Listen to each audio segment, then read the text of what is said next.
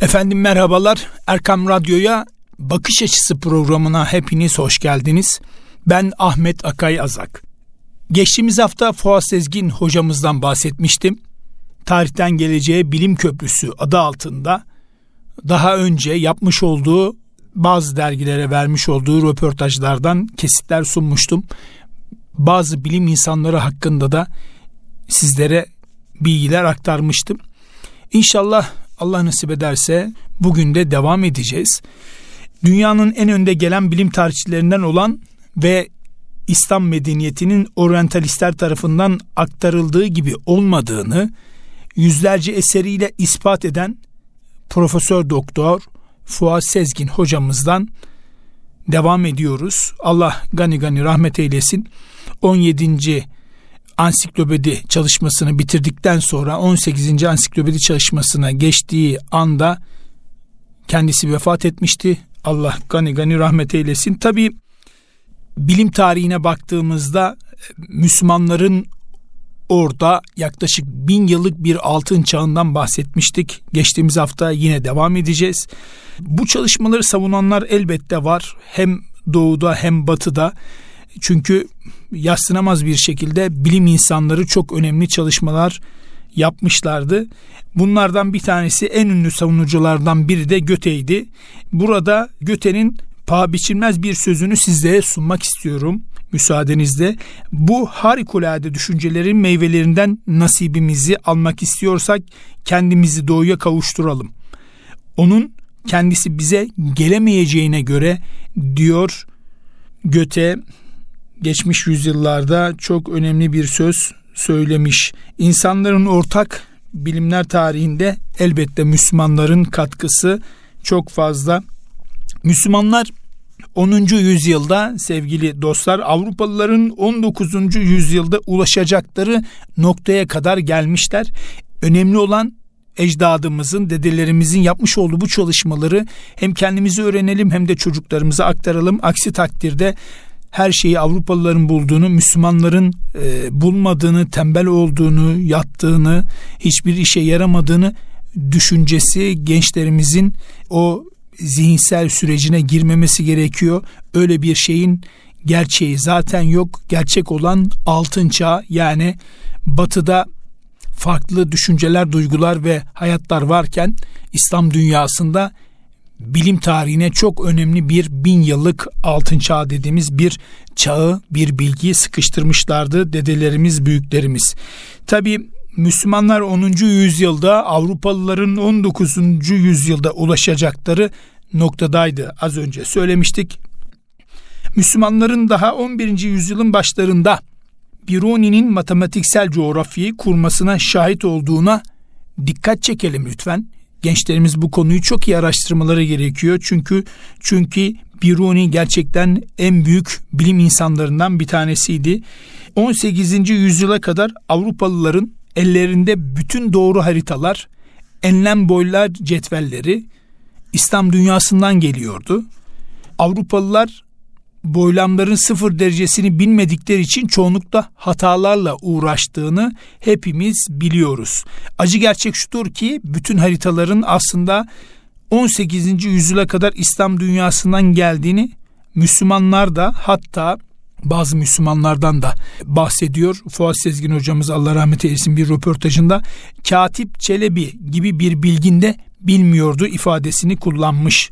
İnsan coğrafyasında yani beşeri coğrafyada ise Müslümanlar daha 10, 11 ve 12. yüzyılda Avrupalıların 19 ve 20. yüzyılda ulaşacakları düzeyde bulunduğunu ifade etmiş bir röportajında Fuat Sezgin hocamız Allah gani gani rahmet eylesin 2018'de kendisini kaybetmiştik. Rahmeti Rahman'a uğurlamıştık. Evet dünyaya deneysel bilim metodunu hediye eden Müslüman alim İbni Heysem'den bahsetmek istiyorum. İbni Heysem en önemli çalışmalarını optik alanında yaptı. Işığın düz çizgide hareket ettiğini, sonlu bir hıza sahip olduğunu, farklı ortamlara geçerken kırıldığını ve farklı renklerden oluştuğunu deneysel olarak gösterdiği çalışma bugün halen kameralarda kullanılan onun geliştirdiği bir alet olduğunu da ifade edelim. Elbette İbni Heysem'in çalışmaları bununla da sınırlı değildi. Ünlü ilim adamı gözü nasıl gördüğünü de açıklamıştı. Ona da hemen bir göz atalım. O dönemin hakim paradigmasını reddederek gözün ışık yaymadığını, cisimlerden yayılan ışığı yakaladığını savunan bir bilim insanı İbni Heysem. Kendisine körü körüne inanılmasını istemeyen ciddi bir bilim insanı İbn Heysem, insanları yaptığı deneyleri tekrarlamaya davet ettiği ve bunun için de gerekli tüm bilgileri verdiğini zaten kaynaklar bize aktarıyor. Ünlü alim Aristo gibi büyük düşünürlerin sorgusuz kabul edildiği bir dönemde deneyin ve rasyonel düşüncenin herkesin üstüne koyması gerektiğini savunan bir bilim insanından bahsediyoruz. Radyosunu yeni açanlar için tekrar edelim. İbni Heysem'i hatırlıyoruz şu dakikalar içerisinde kıymetli dinleyenler. Elbette bu dönem için kuşkusuz devrimci bir yaklaşım olarak da kabul edildiğini biliyoruz. İbni Heysem aslında bununla da yetinmedi. Bilimin temel yaklaşımlarında olan tüme varım kavramını ünlü İngiliz filozof Bacon'dan tam 6 asır önce kendisi savunmuştu. Evet, bilim aslında Allah'a yakınlaşma aracı. Bunu çok iyi bilen bir İslam bilim aliminden bahsediyoruz İbni Heysem'den. Rönesans döneminde optik alanının etkili isimlerinden e, Vitello'nun ünlü eseri perspektifin aslında Heysem'den intihal edildiği bilim tarihçilerinin genel kanaati durumunda olduğunu da hemen burada arz edelim. Tabii ki e, oradan bir aktarım söz konusu. Dindar bir bilim adamı olan İbni Heysem bilim çalışmalarını Allah'a yakınlaşma aracı olarak gördüğünü ve onun şu sözleri çalışmalarını ve Allah'ı nasıl gördüğünün en güzel örneklerinden bir ifadesi. Hemen arz edelim. Ben sürekli gerçeğin ve bilginin peşinde koştum. Allah'ın ihtişamına ve yakınlığına erişebilmek için gerçeği ve bilgiyi aramaktan daha iyi bir yol olmadığına inandım demiş İbni Heysem. Bu önemli bir söz. Bunu tekrar arz edelim sizlere. Dindar bir bilim adamı olan İbni Heysem bilim çalışmalarını Allah'a yakınlaşma aracı olarak gördüğünü ve bu sözleri ise Allah'ı nasıl gördüğünün en güzel örneklerinden biri olan şu ifadeyi kullanmış. Ben sürekli gerçeğin ve bilginin peşinde koştum. Allah'ın ihtişamına ve yakınlığına erişebilmek için gerçeği ve bilgiyi aramaktan daha iyi bir yol olmadığına inandım demiş yüzyıllar önce İbni Heysem. Evet, tabii ki İslam medeniyetimizin bir gerileme durumu söz konusu olmuş ama bu geri, gerilemenin nedenlerini tabii ki araştırıp ona göre bir yol haritası çizerek tekrar bilime ışık tutacak çok büyük alimlerimizin çıkacağına ben inanıyorum çünkü geçmişimiz belli. Bu noktada sadece bilim insanı dediğimizde sadece erkeklerden bahsetmiyoruz. Elbette lütfen notlarınızı da alınız. Bizi dinleyen kıymetli dinleyenlerimiz e, sevgili annelerimiz, ablalarımız, teyzelerimiz, İslam medeniyetinin unutulmuş mimarları, kadın alimlerimiz de mevcut. Onlardan da kısaca bahsetmek istiyorum. Hemen internete yazarsanız zaten bulacaksınız. Kurtubalı Lübna. Bu önemli bir hanımefendi. Müslüman Endülüs'ü unuttuğumuz Kurtubalı Lübna 10. yüzyılın ikinci yarısında ikinci hakem döneminde yaşamış şair, dil bilgisi uzmanı ve usta matematikçi Müslüman bir kadın alimdi. Kendisi döneminin en önemli entelektüellerinden biri olan Lübna, döneminin dünyadaki belki de dikkat buyurunuz en önemli kütüphanesi olan Medinetü Zehra'nın kurulmasında merkezi rol oynadığını biliyoruz. Evet, tabii ki çok fazla kadın alimlerimiz söz konusu. Hatta okuduğum bir röportajda satır aralarında şunu da görmüştüm. Şu anda Doktor Nedvi diye fıkıh ve hadis alanındaki kadın kadın alimlerle ilgili araştırma yapmaya başladığında aslında bir avuç alimle karşı karşıya kalacağını zanneden bu e, hanımefendi Nedvi 8 yıllık çalışma süresi içerisinde lütfen dikkat buyurunuz unutulmuş 8 bin kadın alimi keşfettiğini kendisi ifade etmiş. Tabi Endülüslü Prens Ahmet'in kızı Ayşe Kurtuba en iyi konuşmacı ve kafiye ustası olduğunu evet internete yazdığınızda mutlaka göreceksiniz. Evet Endülüs'ün en ünlü şairleri arasında sayılan Vallada bint El Müstakfi 994-1091 yılları arasında yaşamış olan bir hanımefendiden de bahsetmiş olalım. Evet Sevillalı El Hassani Endülüs'ün şair ve retorik ustaları arasında anılan bir hanımefendi. El Fasuli'nin kızı Meryem en önemli hiciv sanatçısı olduğunu da unutmayalım. Satır aralarına lütfen bunu da arz edelim. Sevillalı Safiye ve 12. yüzyıl alimi Zeynep El Şah da İslam medeniyetinin en ünlü kaligrafi uzmanları arasında olduğunu da biliyoruz.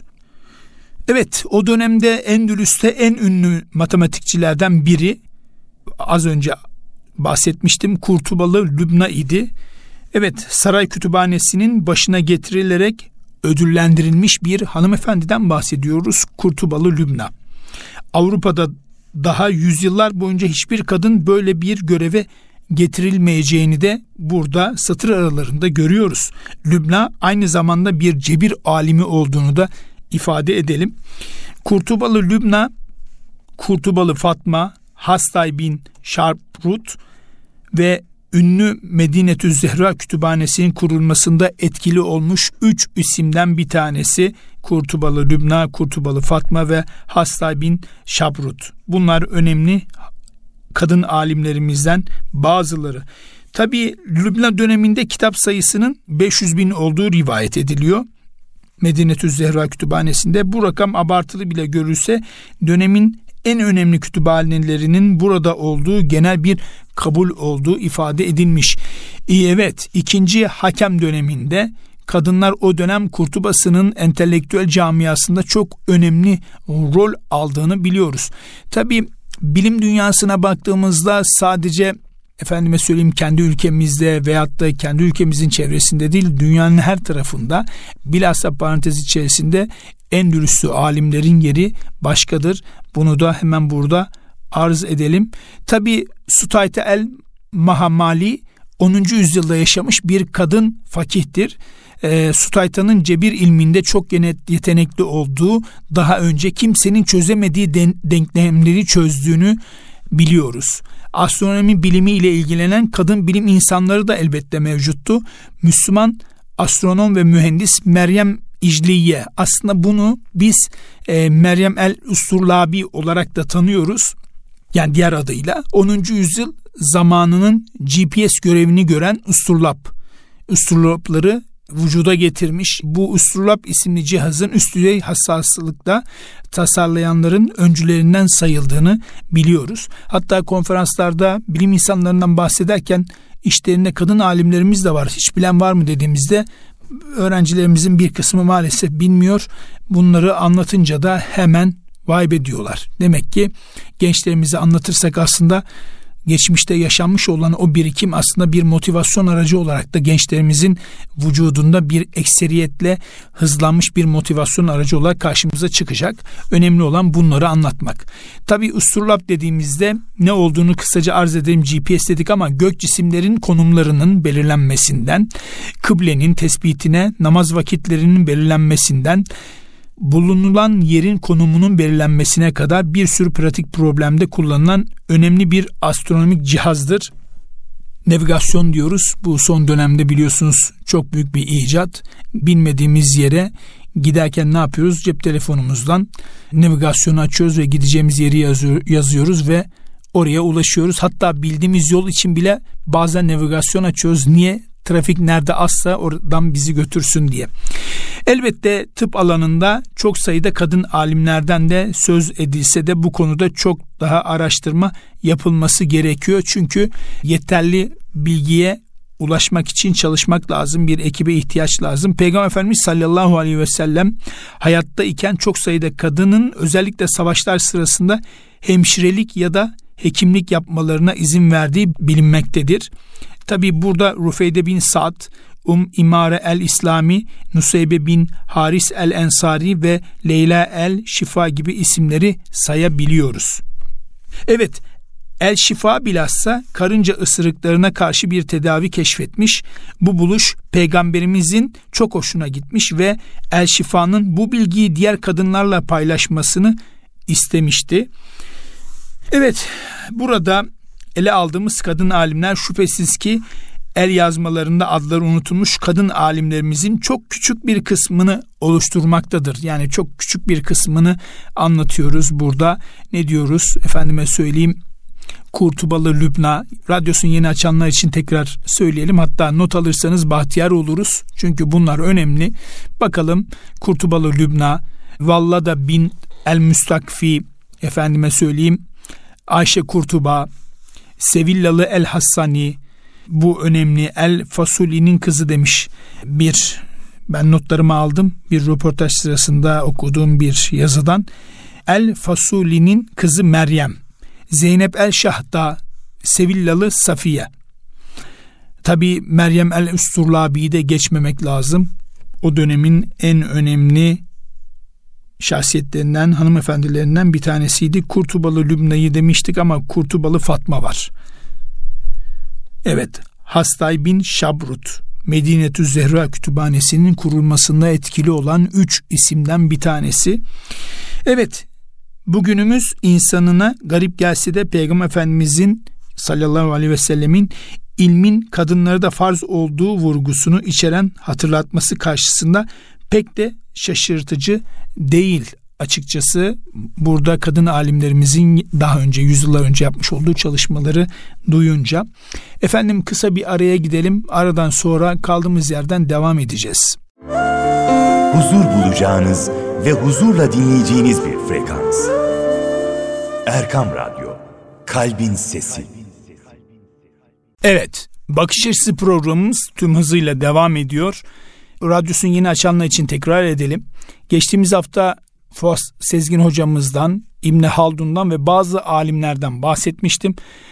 Bu haftaki programımızda devam ediyoruz. İlk bölümde yine Fuat Sezgin hocamızın yapmış olduğu çalışmaları kısaca anlattık ve çok önemli bir nokta kadın alimlerimizden bahsettim. Lütfen kadın alimlerimizi dikkate alınız, bunları araştırınız, bunlar önemli. Geçtiğimiz hafta İbn Haldun'dan da bahsetmiştim ve kaldığımız yerden İbn Haldun'la ilgili devam edelim istiyorum. İbn Haldun tarihi geçmişe ait hikayelerin aktarılması veya anlatılmasından ibaret görmez. Tarihin görülen ve görünmeyen yönlerinin birlikte ele alır. İşin bu kısmında çoğu zaman gerçeğe aykırı hikayeler tarih adı altında kayda alındığını ifade ediyor İbn Haldun. Bu bir anlamda tabii ki tarihin manipüle edilmesi demek açıkçası kıymetli dinleyenler. Çünkü veriler yanlışsa elde edilen çıkarımların da doğru olması elbette beklenilmez demiş İbn Haldun. Tarihten elde edilen çıkarımlar toplumsal hayata ışık tuttuğunu elbette hepimiz biliyoruz. Tabii birçok ülkeye zamanında e, danışmanlık yapmış İbn Haldun hem bilim insanı hem devlet insanı, devlet adamı. Ee, insan barınma ve güvenlik ihtiyacını karşılamak zorunda olduğunu ifade eden İbn Haldun bu nedenle başka insanlarla birlikteliğe ve dayanışmaya ihtiyaç duyar. İçtimai hayat bir düzeni zorunlu kılar. Bu düzen içinde ihtiyaçları karşılayacak, güvenliği sağlayacak dayanışma duygusu zamanla bir otoritenin belirlenmesiyle sonuçlanması gerektiğini ifade etmiş bizlere yüzyıllar önce İbn Haldun. Elbette insanlar için zaruri bir sosyal kurum olarak nitelediği devleti aslında bir nevi insana benzetiyor. Çünkü halklarda, devletlerde insanlar gibi doğar, gelişir ve ölürler. Çünkü her şey bir amaca yöneliktir. İnsan varoluşu gereği toplumsallığa, toplumsallık asabiyete, asabiyet ise mülke yani devlete evrilir. Amacını gerçekleştiren varlık varlık sebebini yitirir ve yok olur ifadelerini yüzyıllar önce efendime söyleyeyim İbni Haldun bizlere ifade etmiş. Evet İbni Haldun aslında önemli bir şahsiyet. Umran ilminin kurucusu olduğunu geçtiğimiz hafta ifade etmiştim. Tabii hayat hakkında en önemli kaynak kendi yazdığı otobiyografik eser olan Et Tarif. Bu önemli. 17 yaşındayken 3 kıtayı ve bu arada Tunus şehrini de etkisi altına alan büyük veba salgınında ailesini kaybetmiş. İbni Haldun'un dedesi Tunus'ta Hafsi Sarayı'nda vezir iken babası Muhammed Vabili kendini İslami ilimler ve edebiyata adamış birisi idi. İlk öğretmeni babası olduğu için öğrenimine ondan aldığı derslerle ve Kur'an'ı ezberleyerek eğitim hayatına başlamış İbni Haldun. Çok güzel Kur'an'ı ezberleyerek hayatına başlamış. Tabi Mısır'a yolculuğu ile hayatındaki ilk evre sona ermiş ve ikinci ve yeni bir evre başladığını ifade etmiş İbn Haldun yüzyıllar önce bizlere. Evet. Buradan açıkçası bilim insanlarıyla devam edelim. Kısa kısa bazı notları aldım. Bunlar önemli notlar. Lütfen dikkat buyurunuz. Az önce ilk bölümde kadın alimlerimizden bahsetmiştik. Medine Zehra Kütüphanesi'nin kurucularından bahsetmiştik. Bunlar önemli hanımefendilerdi. Bunlar ve bilim insanı dediğimiz erkekler çok önemli bilim tarihi açısından ama en önemli nokta elbette ki gençlerimizin bunu bilmesi. Çünkü eğer gençlerimiz bunu bilir ise evet her şeyi Avrupalılar bulmamış. Dedelerimiz de geçmiş yüzyıllarda çok güzel şeyler yapmış, işler yapmış, bilim üzerine çalışmış. O zaman biz bunu daha önce yaptıysak şimdi de yapabiliriz motivasyonuyla aslında yola devam edebilirler. Ama konferanslarda gördüğümüz süreç içerisinde maalesef üzülerek beyan ediyorum. Geçtiğimiz hafta da beyan etmiştim. E, hep duvarlarda e, işte matematikçi, astronomi, efendime söyleyeyim felsefe, sosyoloji, fizik, kimya yani bu alanlarda hep Avrupalıların e, çığır açtığını ifade eden yazılar, resimler görüyorum. Bu açıkçası beni yani bir nevi çıldırtıyor. Çünkü sadece kardeşim Avrupalılar mı buldu? Yani sadece Avrupalılar mı çalıştı? Biz ne yaptık? Bin yıl altın çağ dediğimiz o tarihte ne yaptık? Bunlar önemli noktalar. Bunları bilmek gerekiyor. Bilmediğimiz şeyin cahili oluruz. Onun için önemli. Evet, bilim tarihinden çarpıcı bazı notları da arz edelim. Anadolu Türklerinin ilk yazdığı kitap astronomi kitabı olduğunu ifade edelim. Anadolu'da Türklerin telif ettiği ilk eser nedir diye bir soru sorsam bu soruya cevap verirken genelde çeşitli şiir kitapları zikredildiğini hepimiz duymuşuzdur kıymetli dinleyenler. Ancak size söyleyelim bu sorunun cevabı bir astronomi kitabı olduğunu da ifade edelim. Evet Türklerin Anadolu'da kaleme aldığı ilk eser bir bilimsel çalışma. Ben de ilk okuduğumda çok şaşırmıştım. Bugünkü bilgilerimize göre Anadolu'da telif edilen ilk eser Malazgirt zaferinden 30 sene sonra danışmendillerin Kayseri dizdarı olan İbnül Kemal İlyas bin Ahmet'in yazdığı Keşful Akebe adlı astronomi eseri olduğunu duyunca ben de çok şaşırmıştım. Elbette sizler de şaşırmış olabilirsiniz. Evet 13. yüzyılın en önemli astronomi üstadı Nasiruddin Tusi 1201-1274 yılları arasında yaşamış olan bu zat Müslüman astronom, matematikçi ve fizikçidir. Kendi döneminde dünyanın en büyük gözleme evi olan Meraga rasathanesini kurmuş ve bu rasathane çağının en önemli astronomi merkezi olduğunu bizler de öğrenmiş oluyoruz. Evet aslında dikkat ediyorum o bahsettiğim okulların duvarlarında da hani batıda da tabii ki çalışmalar olmuş e, yaslanamayız ancak şöyle bir durum var. Mesela bu çalışmalar yapılırken mesela Batılılar bir matematikle ilgilenmiş. Çok nadir yani birçok şeyle ilgilenen ama bizim alimlerimize bakıyoruz, bilim insanlarımıza bakıyoruz. Hakikaten enteresan çalışmalar yapmışlar. Sadece matematikle ilgilenmemişler. İşte alın e, elimizde örnek 13. yüzyılın en önemli astronomi alanındaki uzmanı Nasruddin Tusi hem astronomiyle ilgilenmiş, hem matematikle ilgilenmiş hem de fizikle ilgilenmiş. Gerçekten çok ilginç ama çok yetenekli şahsiyetler imiş. Bizler ne yapıyoruz? Bu da bizim için önemli. Tabi Tusi burada yaptığı Meraga rasathanesinden bahsediyorum. Yaptığı gözlemlerle kendi zamanının en iyi gezegen hareket çizelgeleri ve yıldız haritalarını oluşturmuş. E, Kepler'e kadar güneş sistemini en iyi tarif eden modeli geliştirmiş. Tusi Samanyolu'nun yıldızlardan oluştuğunu keşfeden bir şahsiyet, büyük bir bilim insanımız. Kendisinden sonra bu iddiayı ancak 17. yüzyılda Galileo teleskobunu geliştirdikten sonra yineleyecek olduğunu da biliyoruz. Tabi Tusi Batlamyus'un dünyanın durması gerektiği yönündeki argümanlarını da ayrıca eleştirmiş. Tusi'nin Batlamyus eleştirisi daha sonra Kopernik tarafından aynen kullanılmış. Yani Tusi'yi takip etmişler. Tusi kütlenin korunumunu kanununun Loiser'den 5 asır önce keşfettiği de bilinen bir gerçek. Tabi Abdurrahman Es-Sufi dünyanın eğimini hesaplayan büyük bir alim. Abdurrahman Es-Sufi 903 ve 986 yılları arasında yaşamış alimlerimizden bir tanesi. Orta Çağ'ın en önemli deneyici astronomlarından olan Müslüman bilim insanı Abdurrahman Es-Sufi batıda Azobhi ismi ile anılan bir şahsiyet yıldızları konum, büyüklük ve renk bilgilerine göre kataloglamış her yıldız takımını hem dünyaya göre hem de uzaydaki konumu uyarınca resmetmiş. Aman Allah'ım ne büyük çalışma. Allahu Ekber. Kendi döneminin en gelişmiş ve ileri yıldız kataloğunu hazırlamış. Bu önemli. Abdurrahman Es-Sufi notlarımız arasına inşallah bu büyük İslam alimini de alalım. Tabi o okumalarım arasında ilginç gelen bir şey vardı. İlk tıp ansiklopedisinin yazarı Ali Rabban El Taberi.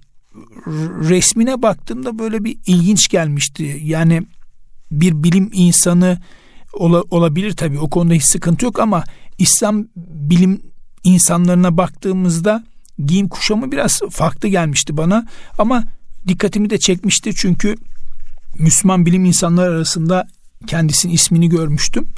Kendisi ilk başta Hristiyanmış sonra İslam'ı seçerek İslam'la şereflenmiş. 783-858 Ali Rabban el Taberi hekim ve psikiyatri olduğunu biliyoruz. Tarihteki ilk tıp ansiklopedilerinden birinin yazarı olduğunu biliyoruz Taberi'yi. Bu ünlü eserinde Yunan, Arap ve Hint tıbbının bütün bilginlerini sistematik biçimde bir araya getirmiş. Tabi pediatri ve çocuk gelişimi konusunda detaylı çalışmalar yaptığını ve bu alanların da öncülerinden gösterildiğini ifade edelim. Hristiyanlıktan İslam'a geçen Taberi'nin Hristiyanlıkla İslam'ı karşılaştırdığı ve neden İslam'ı seçtiğini anlattığı El Rad ala El Nasara isimli eseri karşılaştırmalı dinler alanındaki en eski eserler arasında gösteriliyor.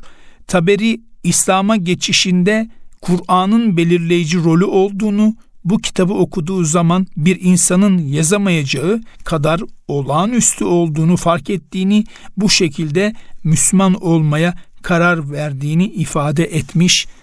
Yüzyıllar önce ilk tıp ansiklopedisinin yazarı Ali Rabban el Taberi. Evet, tabii ki Cebir'in babası El Harezmi biliyorsunuz önemli şahsiyetlerden bir tanesi. Kimyanın babası Müslüman bilim insanı Cabir, Cabir bin Hayyam. Evet, modern cerrahinin babası Müslüman bilim insanı Zehravi ve Biruni'nin bilim tarihiyle uğraşmasına sebep olan Kur'an ayeti bizim için önemli kıstaslardan bazıları. Evet sevgili dinleyiciler bakış açısı programımız devam ediyor. Bilim insanlarımızı anlatmaya çalışıyoruz. Evet Muhammed el Harezmi 780-850 yılları arasında yaşamış Cebir'in babası olarak da bilinen el Harezmi'den bahsedelim. modern cebirin babası olarak gösterilen Müslüman bilim insanı El Harazmi ikinci dereceden denklemlerin sistematik çözüm yöntemlerini geliştirmiş, batıda kullanılacak ilk trigonometri tablolarını yapmış, halen hepimizin kullandığı Arap rakamlarını sıfırı ve onluk sayı sistemini batıya tanıtan Müslümanlı alim yani Cebir'in babası El Harazmi'den bahsediyoruz. Yazdığı Cebir kitabı 16. yüzyıla kadar Avrupa üniversitelerinde ders kitabı olarak da okutulduğunu ifade edelim sevgili dinleyiciler. Özellikle Afrika, Asya ve Akdeniz çevresindeki çeşitli şehir, dağ ve ırmakların koordinatlarını o zamana kadar en hassas şekilde tespit ettiğini ifade ediyoruz. Halife Memun'un dünyanın yarı çapını ölçme ve haritasını çıkarmak için görevlendirdiği 70 coğrafyacı ile çalıştığını, İngilizce'deki El ve bunun Türkçe karşılığı olan cebir sözcüğü Harezmi'nin denklemleri çözme yöntemlerinden biri olan El Cebir'den gelmekte olduğunu da hemen arz edelim. Yine bütün batı dillerinde kullanılan algoritma kelimesi yani bu kavram ilk bu kavramı geliştiren ilk kişi olduğu için onun adının Latince çevirisi olan algoritmiden gelmektedir. Rakam anlamına gelen İspanyolcadaki guarismo ve Portekizce'deki algoritmo kelimeleri de onun isminden türetildiğini ifade edelim. Evet, süremiz azalmakta ama kimyanın babası Müslüman bilim insanı Cabir bin Hayyan'dan da bahsedelim. Müsaadeniz olursa Müslümanlı alim Cabir bin Hayyan 721 ve 815 yılları arasında yaşamış olan batıda bilinen adı ile bilim tarihçilerine modern kimyanın ve metalurjinin babası olarak gösterilen Cabir bin Hayyan. Modern kimyanın temelini oluşturan kristalizasyon, damıtma gibi pek çok temel kimyasal süreci keşfetmiş imbik ve retort gibi günümüz kimya laboratuvarlarında kullanılan 20'den fazla laboratuvar malzemesini geliştirmiş bir alimden bahsediyoruz. Kimyanın babası Müslüman bilim insanı Cabir bin Hayyan. Evet, gerçek manada bilim tarihinden çarpıcı notları arz etmeye çalıştık. Bizim için önemli olan tabii ki Allah'a yakınlaşma sürecidir. Onlar ki ayaktayken, otururken ve yanların üzerinde yatarken Allah'ı hatırlarlar, göklerin ve yerin yaratılışı konusunda derinlemesine düşünürler. De şöyle derler. Rabbimiz sen bunları boşuna yaratmadın. Sen yücesin, bizi ateş azabından koru. Evet, bu önemli Ali İmran suresi 191. ayet. Evet, Biruni'nin bilim tarihiyle uğraşmasına sebep olan Kur'an ayeti bizim için önemliydi. Bunu da arz etmiş olalım. Tekrar edelim ve programımızı inşallah tamamlayalım. Biruni şöyle ifade etmiş. Benim bilimle uğraşma sebebim Ali İmran suresi 191. ayettir. Evet ayeti hemen tekrar edelim. Onlar ki ayaktayken, otururken ve yanları üzerinde yatarken Allah'ı hatırlarlar. Göklerin ve yerin yaratılışı konusunda derinlemesine düşünürler de şöyle derler. Rabbimiz sen bunları boşuna yaratmadın. Sen yücesin, bizi ateş azabından koru. Amin. Evet Ali İmran suresi 191. ayet. Biruni'nin bilim tarihiyle uğraşmasına sebep olan Kur'an ayetini burada okumuş olduk sevgili dinleyicilerimiz. Evet Fuat Sezgin hocamızdan geçtiğimiz hafta bahsetmiştik. İbni Haltun'dan bahsetmiştik. Bazı bilim insanlarından bahsetmiştik. Bu hafta daha keza Allah rahmet eylesin 2018'de kaybettiğimiz Profesör Doktor Fuat Sezgin hocamızdan bahsettik. Bilim tarihinden çarpıcı notlar başlığıyla kimyanın babası Müslüman bilim insanı Cabir bin Hayyan'dan bahsettik. Cebir'in babası El Harazmi'den bahsettik. İlk tıp ansiklopedisinin yazarı Ali Rabban el-Taberi'den bahsettik. Abdurrahman Es-Sufi dünyanın eğimini hesaplayan büyük İslam aliminden bahsettik. 13. yüzyılın en önemli astronomu Nasruddin Tusi 1201-1274 yılları arasında yaşamış olan büyük İslam aliminden bahsettik. Evet bunlar önemli alimlerimiz elbette ki bu önemli alimlerimizden bahsederken de tekrar etmek istiyorum. Alimlerimiz sadece erkekler değil, alimlerimiz arasında elbette ki büyük, çok büyük alim kadınlarımız da mevcut. Bunları hiçbir zaman unutmamak gerekiyor. Bunları da not almanızda e, fayda var. Hemen kısaca arz edeyim. Kurtubalı Lübna Medinetü Zehra Kütüphanesi'nin kurulmasında etkili olan üç isimden bir tanesi. Kurtubalı Lübna 10. yüzyılda yaşamış.